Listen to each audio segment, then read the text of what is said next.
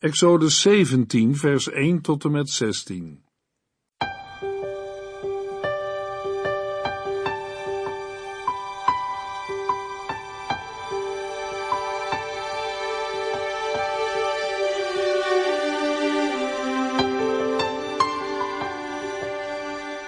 Hartelijk welkom bij De Bijbel Door, een programma van Transworld Radio. De Bijbel Door is een radioserie die u in vijf jaar meeneemt door de hele Bijbel. Van Genesis 1 tot Openbaring 22.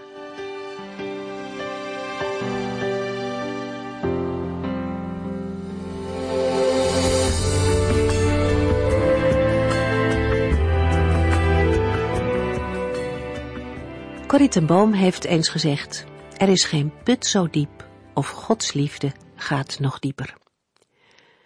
In Exodus 17 zien we vandaag het volk Israël op reis. Regelmatig worden ze door God op de proef gesteld om te zien of ze hem wel toegewijd zijn. En maar al te vaak zien we dat het volk God niet vertrouwt wanneer het moeilijk wordt. Mozes maakt dezelfde moeite mee. Maar als het moeilijk wordt, gaat hij naar de Here. Hij weet bij wie er raad is, bij wie er verlossing is. En door alles heen vertrouwt hij op God. En God laat hem niet in de steek. Beproevingen, moeite, zorgen en verdriet, ze zijn er ook voor christenen. En daarom is deze hele woestijnreis voor gelovigen vandaag de dag nog zo waardevol. We kunnen veel van het volk Israël leren. De vorige keer hebben we het over een van de beproevingen van Israël gehad. Na een aantal weken rondtrekken door de woestijn hebben ze te weinig te eten. En de problemen van het moment nemen hen zo in beslag dat ze de wonderen van de Heere vergeten. En toch hebben ze al diverse keren meegemaakt dat de hand van de Heer nooit te kort is om te helpen. Zijn doel in dit alles is dat het volk leert op God te vertrouwen. Als Hij zegt dat Hij voor hen zal zorgen, dan kunnen ze ervan op aan dat Hij dat ook doet. De Heere antwoordt ook op het gemopper van de Israëlieten. Hij zal manna geven en vlees. Geen flinke voorraad, maar voor elke dag genoeg. Ook daarin wil God laten zien dat hij te vertrouwen is. Mooi hè? Alleen op de zesde dag was er voor iedereen een dubbele hoeveelheid, zodat men op de Sabbat vrij van werk was. De Sabbat was immers een geschenk van God en hij herinnert hen eraan om die Sabbat in ere te houden.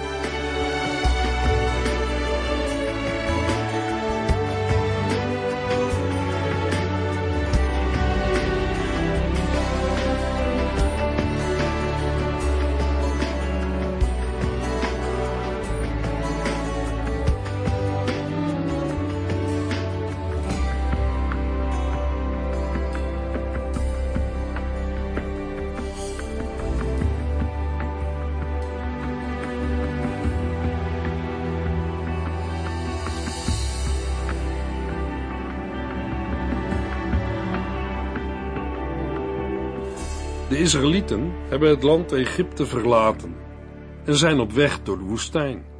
Ze zijn op weg naar de berg Sinaï. Onderweg heeft Israël zeven ervaringen gehad, die afbeeldingen zijn van soortgelijke ervaringen in het leven van een christen vandaag. U weet het mogelijk nog wel, 1 Korinthe 10 vers 11. Dat is allemaal met hen gebeurd om een voorbeeld te stellen en het is opgeschreven als waarschuwing voor ons die in het einde van de tijd leven. Een mens doet er goed aan om de lessen die Israël moest leren op weg naar het beloofde land te lezen, te overdenken en ernaar te handelen. Hun lessen zijn voor vandaag een voorbeeld om ervan te leren. Het gaat met Israël op en neer, net als bij ons. Exodus 17, vers 1 tot en met 3. Volgens de opdracht van de Heere verliet het volk Israël de woestijn Sin en trok langs diverse pleisterplaatsen naar Refidim, waar zij hun kamp opsloegen. Daar was echter geen water te vinden. Opnieuw mopperde het volk en eiste van Mozes, geef ons water, zodat we kunnen drinken. Waarom moppert u op mij? vroeg Mozes. Wilt u soms de Heer op de proef stellen? Om te zien hoe lang hij geduld met u heeft? De Israëlieten gaan opnieuw op weg. Zij verlaten de woestijn Sin en trekken van pleisterplaats naar pleisterplaats. Uiteindelijk komen ze terecht in Refidim, de laatste stopplaats voor de Sinaï. Dat het de laatste stopplaats voor de Sinaï is, blijkt uit Exodus 19 vers 2 en nummerie 33 vers 15. Dat Refidim vlak bij de berg Sinaï ligt, blijkt uit vers 6, waar wordt verteld dat Mozes op de rots bij Horeb slaat. In Refidim aangekomen ontdekken de Israëlieten dat er geen drinkwater is. De les van de kwakkels en het manna is snel vergeten. Het volk begint te mopperen en laat na om de Heere te vertrouwen. Ze spreken Mozes aan en zeggen dat hij hun water moet geven. Het komt tot een fel conflict met Mozes, met als inzet zijn falend leiderschap. Het volk vraagt van hem een werkelijk leider te zijn en voor water te zorgen. Maar Mozes kan niet meer doen dan hen een spiegel voorhouden. Wilt u soms de Heer op de proef stellen om te zien hoe lang hij geduld met u heeft? In werkelijkheid is het gezag van de Heer in het geding. Wie Mozes verantwoordelijk stelt voor de uittocht, ontkent het werk van de Heere God. Het volk smacht naar water en gaat tekeer tegen Mozes. Hij wordt ervoor verantwoordelijk gehouden dat iedereen zal sterven van de dorst. De verwijten aan het adres van Mozes worden steeds heviger. Exodus 17 vers 4 Toen bad Mozes tot de Heere en smeekte hem, wat moet ik doen? Nog even, en zij stenigen mij. Opmerkelijk dat Mozes in dergelijke omstandigheden altijd tot de Heere roept. Mozes is radeloos en vreest de dood door steniging. Exodus 17, vers 5 tot en met 7. De Heere antwoordde, roep de leiders van Israël bij u en breng het volk naar het Horebgebergte. Daar zal ik u ontmoeten. Sla daar met uw staf op een rots, dezelfde staf waarmee u op het water van de Nijl hebt geslagen. En er zal water tevoorschijn komen, zodat zij kunnen drinken. Mozes deed wat de Heer had gezegd en het water golfde tevoorschijn. Mozes noemde die plaats Massa, verzoeking, en Meriba, ruzie, omdat de Israëlieten tegen de Heere waren opgestaan en hem hadden uitgedaagd met de woorden, is de Heere bij ons of niet? De Heere antwoordt met een opdracht. Mozes moet, samen met enkele oudsten van het volk, voor het volk uitgaan. Hierbij moet hij zijn staf meenemen. Dezelfde staf waarmee hij op het water van de Nijl heeft geslagen. Exodus 7. Door de staf in de hand te nemen, wordt het volk erbij bepaald dat God opnieuw op wonderlijke wijze gaat handelen. Zodra Mozes is aangekomen bij de rots van Horeb, zal de Heere zelf voor Mozes staan. Dit betekent dat Mozes daar gebruik mag maken van de kracht van de Heere. Zijn slaan op de rots zal tot effect hebben dat er water tevoorschijn komt. Mozes doet zoals de Heere heeft bevolen, en er komt water. Omdat dit door die bijzondere genade van de Heere gebeurt, vergelijkt de apostel Paulus de rots met de Heer Jezus Christus. 1 Corinthians 10 vers 3 en 4 God zorgde ervoor dat ze allemaal geestelijk eten en drinken kregen. Voorbeelden van geestelijke waarheden. Dat drinken kregen zij uit de rots die met hem meeging, en die rots was Christus. Hij is bij uitstek het teken van Gods genade. Nadat water uit de rots tevoorschijn is gekomen, geeft Mozes namen aan de plaats. De eerste naam is Massa, dat het beste met verzoeking kan worden vertaald. De tweede naam is Meriba en betekent twist of ruzie. Met deze namen verwijst Mozes naar het feit dat de Israëlieten op deze plaats ruzie hebben gezocht en de Heere op de proef hebben gesteld met de woorden: Is de Heere met ons of niet? Met deze gebeurtenis en de beschrijving ervan wordt indirect een door de Heere gewenste grondhouding beschreven. De Israëliet, een gelovige in het algemeen, dient ook in de moeilijkste omstandigheden te vertrouwen op de nabijheid en zorg van de Heere. Sla daar met uw staf op een rots, dezelfde staf waarmee u op het water van de Nijl hebt geslagen. De staf waarover gesproken wordt, is dezelfde die de Heer aan Mozes had gegeven toen hij naar Egypte terugging. De Heere gaf de staf als een teken en zegel van het gezag en de macht van Mozes. Luisteraar, het kan vragen oproepen als midden in een geschiedenis uit het Oude Testament de naam van Christus naar voren komt. Ik wijs u erop dat wij dat niet hebben bedacht, maar dat de Bijbel dat zelf aangeeft. Met betrekking tot het water uit de rots citeerde ik al uit 1 Corinthiërs 10. Christus is ook het water des levens, en de rots is een verwijzing naar hem. In een vorige uitzending hebben we gezien dat het brood dat de Israëlieten in de woestijn aten, het manna, ook verwijst naar de Heer Jezus Christus. Hij is het brood des levens. Bij het water uit de rots gaat het om Christus, die onze rots is. Daarom is de rots een prachtig portret van de Heer Jezus Christus. Psalm 61, vers 3 zegt: Vanuit de verste uithoek van het land roep ik u. Ik kan niet meer. Wilt u mij naar een plaats brengen waar ik zelf niet kan komen, een plaats waar ik veilig ben? Andere vertalingen hebben: Leid mij op een rots die mij te hoog zou zijn. Deze rots is Christus. En Asaf, de dichter van Psalm 78, zegt in vers 35: Dan dachten zij er pas weer aan dat God hun rots was en dat God de Allerhoogste hen bevrijdde. En Petrus zegt in 1 Petrus 2, vers 6 tot en met 8: In de boeken staat het zo: Ik plaats een steen als hoeksteen in Sion, een kostbare steen die ik heb uitgekozen, en wie op hem vertrouwt, wordt niet teleurgesteld.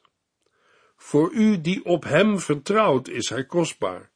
Voor mensen die niets van hem willen weten, geldt wat in de boeken staat. De steen die door de bouwers was afgekeurd, is juist tot de hoeksteen geworden. Zo is Christus niet alleen de onmisbare hoeksteen geworden, hij is ook de steen waarover men struikelt en waaraan men zich stoot. Dat laatste geldt alleen voor de mensen die niet naar hem willen luisteren, die weigeren hem te gehoorzamen. Het ligt dus voor de hand dat zij zullen struikelen. Ten slotte zegt de apostel Paulus in 1 Corinthiërs 3 vers 11 want een andere fundering dan Jezus Christus mag niemand leggen. De Heer Jezus is de fundering. Op hem rust het hele gebouw. Hij is degene op wie een gelovige mag rusten. Hij is ook degene waarop de kerk is gebouwd. Hij is de rots met levend water. In Johannes 7, vers 38 zegt de heiland: Als u dorst hebt, kom dan bij mij om te drinken.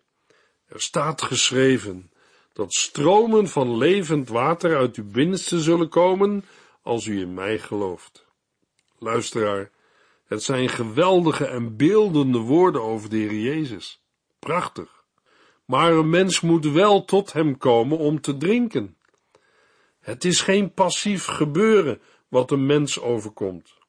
Jezus zegt, als u dorst hebt, kom dan bij mij om te drinken. Zijn woorden lezen en horen is ook geen vrijblijvende zaak. De Heer Jezus is de rots waaruit de mens levend water mag drinken, maar er is ook een andere kant. Aan een rots kan een mens zich ook stoten. We hebben het net uit de eerste brief van Paulus aan de Corinthiërs gelezen. Hij is ook de steen waarover men struikelt en waaraan men zich stoot. Dat laatste geldt alleen voor de mensen die niet naar hem willen luisteren, die weigeren hem te gehoorzamen. De Heer Jezus werd gekruisigd. Alleen het geloof dat hij in uw plaats stierf en uw zonde droeg op het kruis, zal u redden. De geslagen rots is een afbeelding van het lijden en sterven van de Heer Jezus Christus. Gaat u naar hem toe om te drinken? Of is hij voor u een steen des aanstoots? Het voorval van het water dat uit de rots komt, lezen we nog een keer in het Bijbelboek Numeri. In Exodus 17 zei God tegen Mozes dat hij op de rots moest slaan en stroomde het water eruit. In Numeri geeft God andere instructies. De Heere zegt tegen Mozes, haal de staf en roep daarna het volk bijeen. Terwijl de mensen toekijken, moet u tegen de rots daar spreken, en dan zal er genoeg water uitkomen. U zult hun water geven uit de rots, en er zal genoeg zijn voor alle mensen en hun vee. Nummer 20 vers 8. Mozes moest tegen de rots spreken, omdat de rots al geslagen was. Jezus Christus heeft geleden en is gekruisigd. Aan het kruis zei hij, het is volbracht, mijn taak is vervuld. Johannes 19 vers 30. Toen was het inderdaad eens en voor altijd volbracht. De Heer Jezus Christus hoeft niet nog eens te worden gekruisigd. Voor God is het genoeg wat de Heer Jezus voor ons mensen deed. De vraag is wel, bent u tevreden met het werk dat Christus voor u deed aan het kruis? Hij stierf om u te redden. Alles wat de Heere vraagt is, geloof in de Heer Jezus Christus en u zult gered worden. Stromen van levend water zullen uit uw binnenste komen. Stromen van zegen komen als plasregens neer. Efeziërs 1 vers 3 vertelt ons, aan God, de Vader van onze Heer Jezus Christus, komt alle dank en eer toe. Hij heeft ons, nu wij één zijn met Jezus Christus, alle geestelijke zegen gegeven die er in de hemel is. De wereld is niet in staat om dit te bevatten, maar ondanks dat zijn er ook vandaag veel mensen die geestelijk dorst hebben. Veel mensen drogen geestelijk uit. Ze sterven bij gebrek aan levend water. De bron moet doorbreken. De waterput zit dicht met twijfels, zonden en onverschilligheid. Er ligt wel een mooi deksel op, maar dat is de buitenkant, maar van binnen is het droog en dor. Dat is zo bij mensen die de naam van de Heere wel in de mond nemen, maar hem in werkelijkheid niet kennen. Bent u al bij die geslagen rots geweest voor levend water? De Heer Jezus zegt, als u van dat water drinkt, zult u nooit meer dorst hebben. Exodus 17, vers 8. Toen verschenen de Amalekieten op het toneel en vochten bij Refidim tegen de Israëlieten. Na het wonder bij Massa en Meriba verschijnt plotseling Amalek ten tonele. Amalek is een woestijnvolk dat afstamt van Jacobs tweelingbroer Esau, Genesis 36. Exodus 17, vers 9 en 10. Mozes zei tegen Jozua, roep de mannen te wapen en vecht tegen het leger van Amalek. Morgen zal ik op de heuveltop staan met de staf van God in mijn hand. Jozua verzamelde zijn mannen en trok ten strijde. Ondertussen beklommen Mozes, Aaron en Hur de heuvel. Jozua, die hier voor de eerste maal wordt genoemd, krijgt de opdracht om zijn mannen te verzamelen voor de strijd. Mozes zal de volgende dag op een heuvel gaan staan.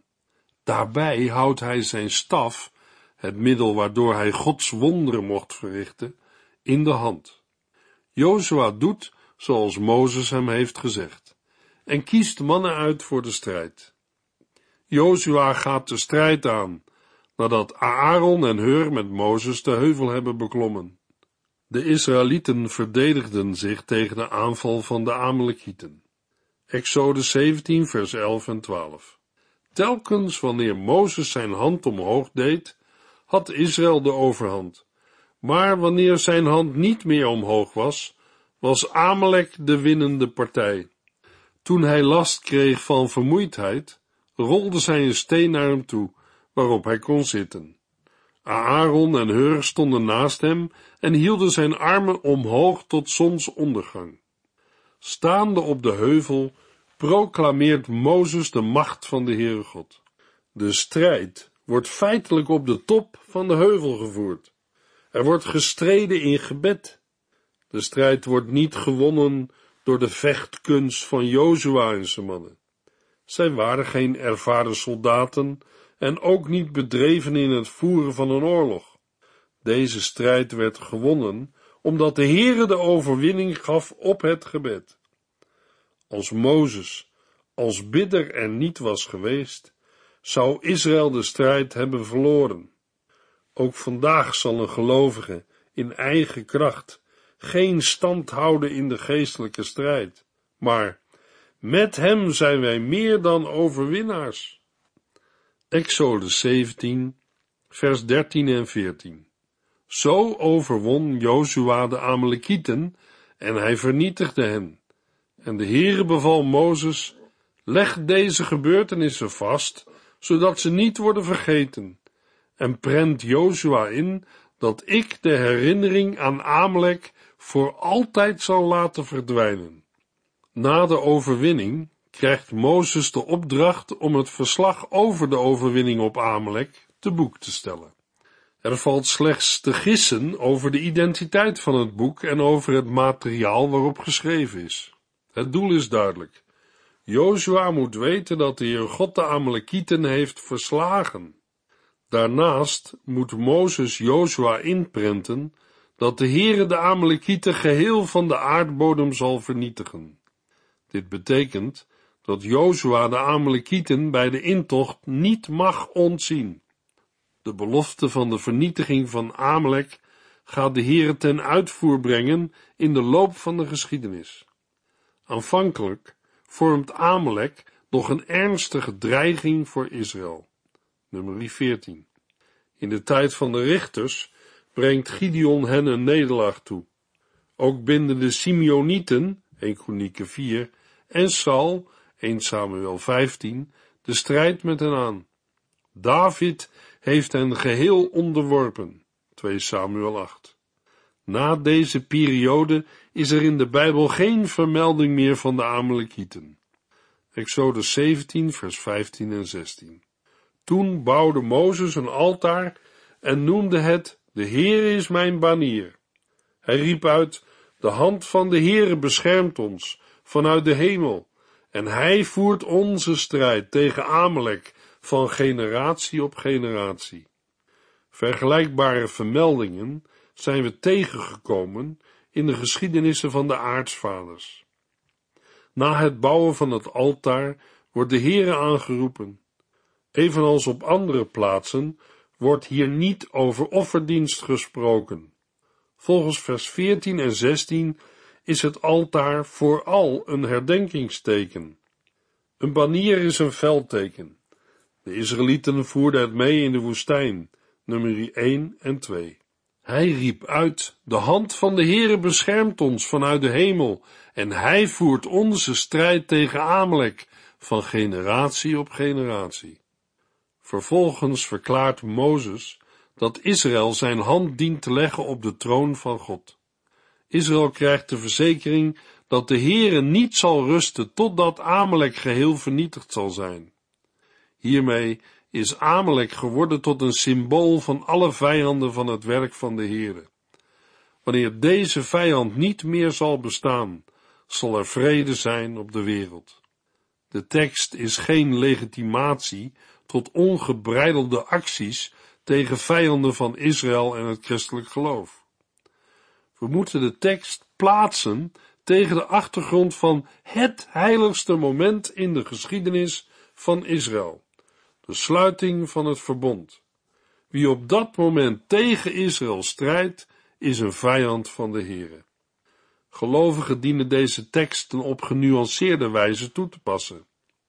Ze dienen zich te verzetten tegen alles wat ingaat tegen de Heer en zijn vrede.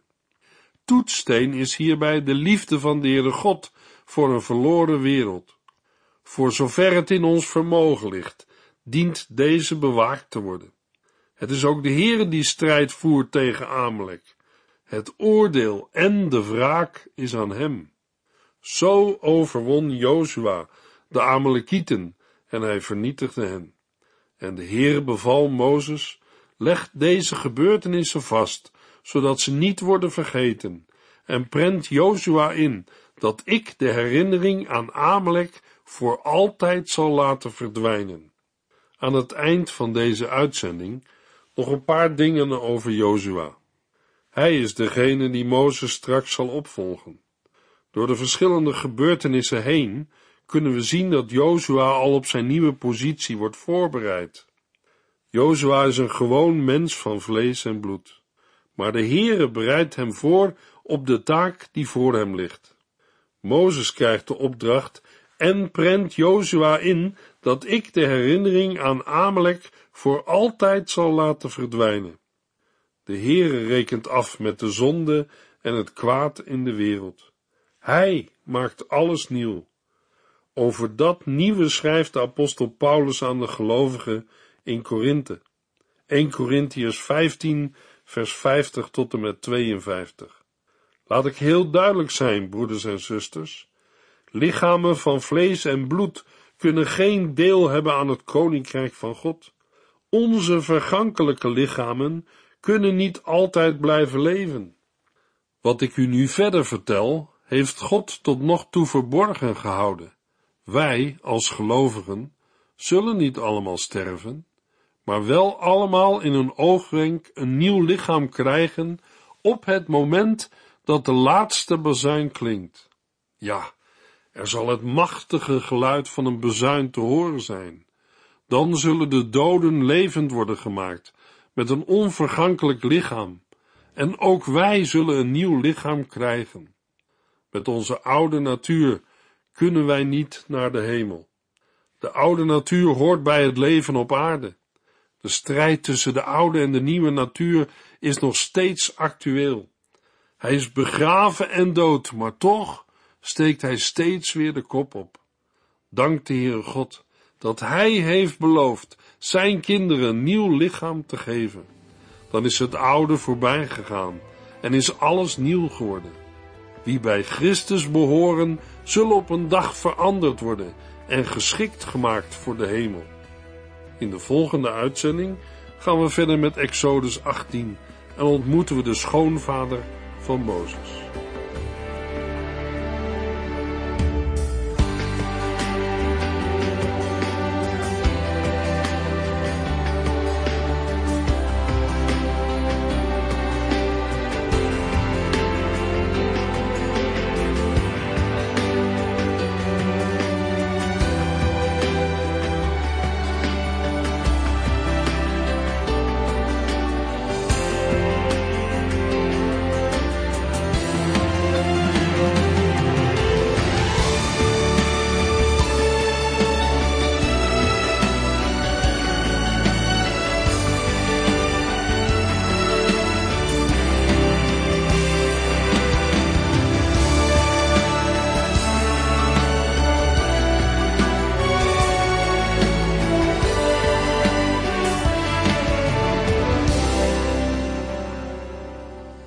Geluisterd naar De Bijbel Door. In het Nederlands vertaald en bewerkt door Transworld Radio.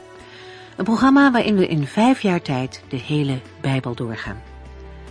Als u wilt reageren op deze uitzending of u heeft vragen, dan kunt u contact met ons opnemen.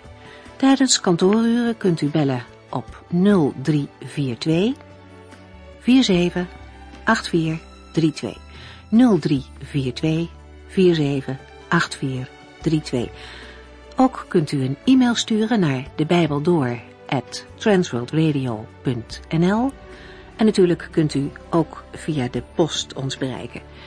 TWR, postbus 371, postcode 3770, AJ in Barneveld.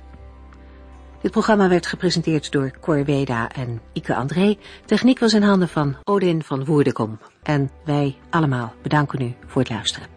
Graag tot de volgende keer.